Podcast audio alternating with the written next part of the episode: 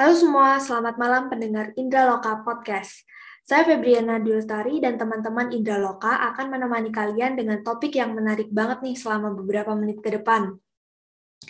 Nah, hari ini kami akan bahas topik yang tentunya juga dari informasi yang terpercaya dan dengan banyak perspektif yang berbeda, yaitu tentang kualitas udara di Kabupaten Gresik.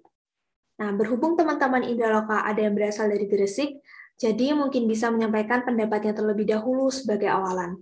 Eh, menurut Arni dan Rizka, bagaimana sih kualitas udara di Kabupaten Gresik? Karena seperti yang kita ketahui bahwa Gresik ini sebagai salah satu kota industri terbanyak di Indonesia. Mungkin bisa dimulai dari Arni dulu.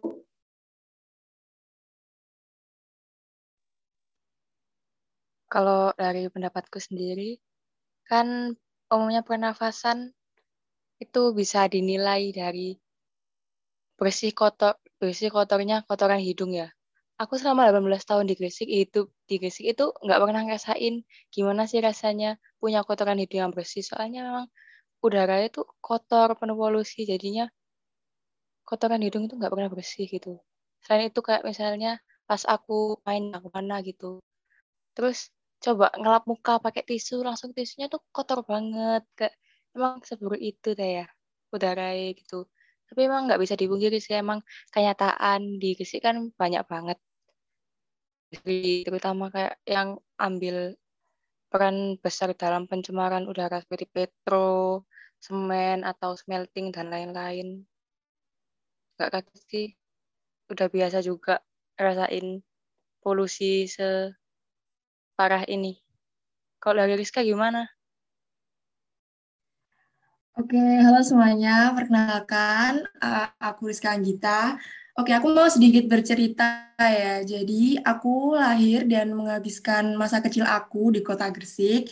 Dan yang seperti kita semua tahu, kalau Gresik itu kan terkenal sebagai kota industri ya, yang mana uh, memiliki dampak yang cukup besar terhadap lingkungan, terutama pada kualitas udara di kota Gresik itu sendiri. Nah, di sini aku mau bercerita pengalaman aku yang bisa disebut sebagai korban ya dari dampak aktivitas industrial itu sendiri. Jadi waktu aku umur sekitar 4 atau 5 tahun, aku didiagnosa mengidap suatu penyakit pernapasan, yaitu paru-paru. Dan itu berlangsung cukup lama sih, kurang lebih dua tahunan lah ya. Nah sebenarnya tuh kan banyak faktor ya penyebab flek paru-paru, tapi dikarenakan uh, saat itu aku tinggal di kawasan yang dekat dengan aktivitas industri, jadi ya bisa dibilang faktor utamanya adalah kembali lagi pada dampak aktivitas industri terhadap kualitas udara yang aku hirup. Mungkin segitu aja sih cerita singkat dari aku. Aku kembaliin lagi ke Febriana.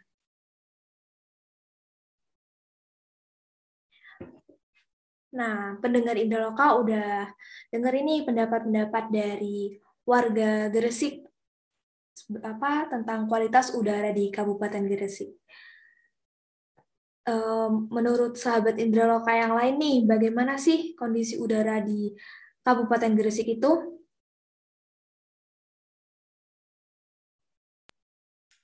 Bisa dimulai dari Erwin. Uh, baik, perkenalkan nama saya Erwin Eka Kurniawan. Uh, dilihat dari beberapa pernyataan tadi, saya beranggapan bahwa penyebab utama dari kondisi udara di kota Gresik adalah banyaknya industri yang ada di kota tersebut, yang di mana pengolahan limbah asapnya tidak diolah dulu dengan baik, serta ditambah dengan penggunaan transportasi yang menimbulkan gas buang Hal ini tentunya berdampak buruk bagi manusia dan kondisi lingkungan yang ada di sekitarnya.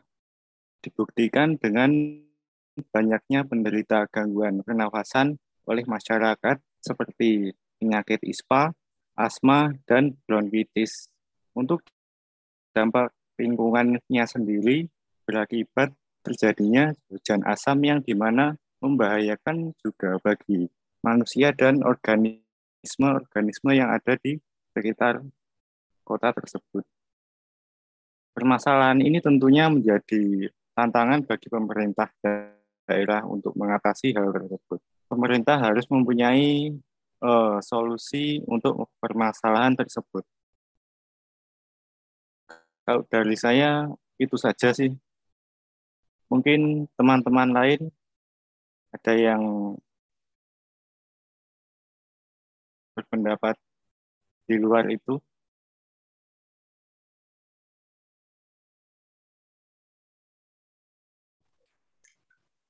Ya, saya juga setuju dengan pendapat Mas Erwin Kurniawan.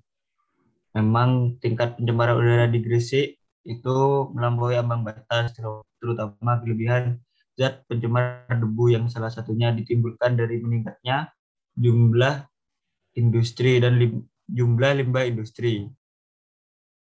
Dari Kabit Pengendalian Dampak Lingkungan Dinas Lingkungan Hidup dari Gresik, hasil uji udara ambien di 12 titik menunjukkan bahwa pencemaran udara di Gresik diakibatkan karena debu yang rata-rata mencapai 0,2 mg per meter kubik. Yang data tersebut itu memang membuktikan bahwa kualitas udara di Gresik memang buruk.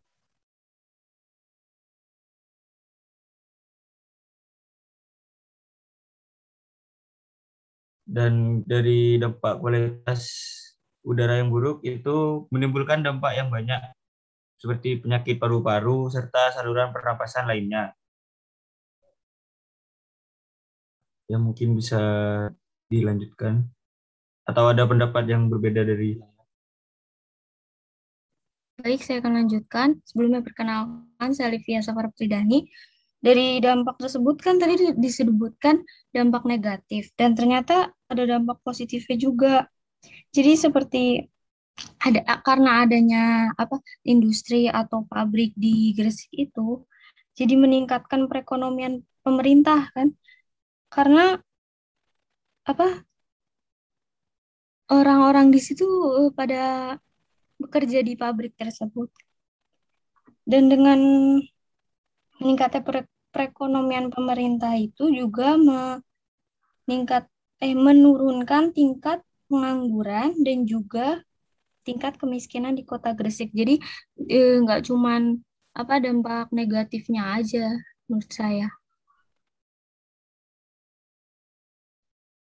Iya sih, benar juga.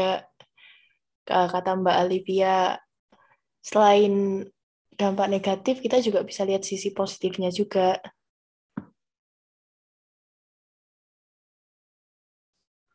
Nah, kita udah dengar nih pendapat teman-teman tentang kondisi udara di Kabupaten Gresik, mulai dari penyebab uh, kualitas udara yang rendah, kemudian dampaknya, dan juga ternyata ada dampak positif yang bisa diberikan.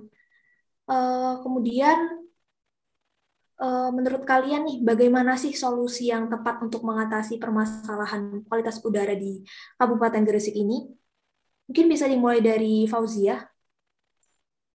Baik, terima kasih. Sebelumnya perkenalkan nama saya Fauzia Nurjana.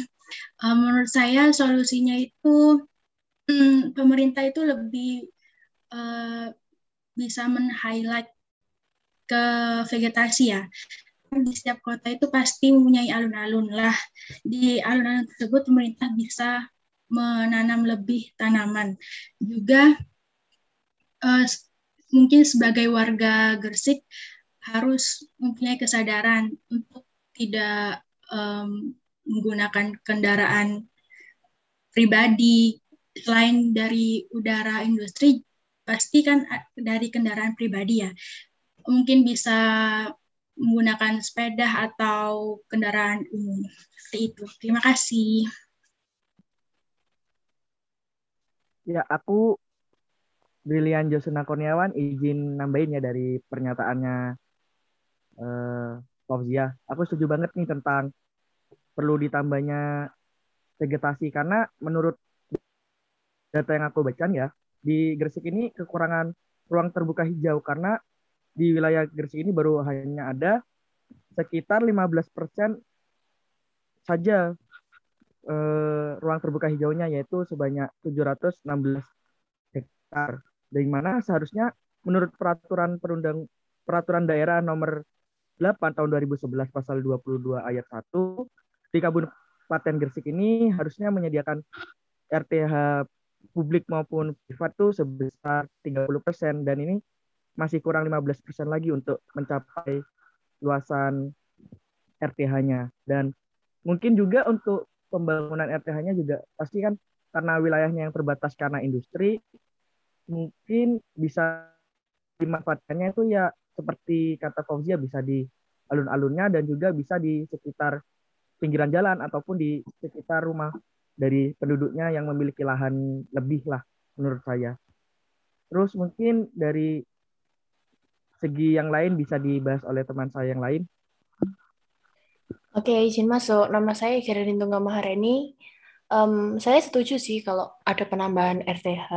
Cuma uh, sebelum itu saya lebih setuju lagi kalau misalnya pemerintah ini uh, dari sisi hukum itu lebih ketat. Maksudnya kan masih ada oknum-oknum yang nggak bertanggung jawab ya. Maksudnya membuang udara ambien tapi tanpa pengelolaan. Itu kan bikin paru-paru masyarakat yang di sekitarnya kayak kembang kempis gitu loh kayak ya menurutku apa ya setiap kawasan yang apa ya mengeluarkan limbah-limbah udara itu uh, harus disertai dengan pengelolaan juga kalau menurut saya jadi nggak cuma RTH aja yang di push tapi untuk pengelolaan dari setiap kawasan dari setiap industri industri itu sendiri. Jadi ya begitu mungkin teman yang lain bisa menambahi. Baik, uh, aku izin masuk ya. Aku Rinta Octavia. Nah, aku juga setuju sih dari teman-teman semua itu. Uh, kalau menurut aku nggak ada yang salah. Nah, kalau menurut aku sendiri juga kalau untuk ngatasi masalah kayak gitu itu lebih kembali lagi ke pemilih industrinya sih. Kan pemilih industrinya pasti tahu dong nanti kayak saat buat industri itu pasti tahu kayak akibatnya itu eh, uh, limbah-limbahnya itu kayak gimana. Seharusnya kita kayak kembali lagi gitu sih ke mereka. Itu kan pasti ada cara lain kayak mungkin bahan baku atau kayak lebih pakai cara-cara yang lebih modern untuk meng, apa ya kayak biar nggak terlalu banyak limbahnya gitu. Setidaknya mengurangi lah kalau semisal nggak bisa sampai ngehapus dari kayak nggak mungkin kan juga nggak ada limbah sama sekali. Nah itu setidaknya dari pemilik industri sendiri ya gitu. Kayak juga berusaha gitu buat mengurangi limbah. Gitu sih dari aku Halo sahabat Indraloka, aku Iva. Di sini aku akan memberikan closing statement terkait diskusi kita tentang bagaimana kondisi udara di Kabupaten Gresik. Jadi sahabat Indraloka, dari perbincangan kita tadi dapat diketahui bahwa kualitas udara di Gresik sangatlah buruk. Bahkan ada salah satu sahabat Indraloka yang pernah terkena dampaknya. Buruknya kualitas udara di Gresik yang disebabkan oleh kegiatan industri yang kurang bahkan tidak memperhatikan sekitarnya mengakibatkan masalah ini muncul. Jadi, perlu adanya solusi. Solusi ke depannya seperti yang disampaikan oleh teman-teman tadi, dari kesadaran pihak industri untuk juga menjaga ke sekitar, regulasi pemerintah yang lebih ketat, maupun pembuatan RTH yang sesuai. Um, dari pembahasan kami tadi, Uh, kurang lebihnya mohon maaf. Sekian. Wassalamualaikum warahmatullahi wabarakatuh.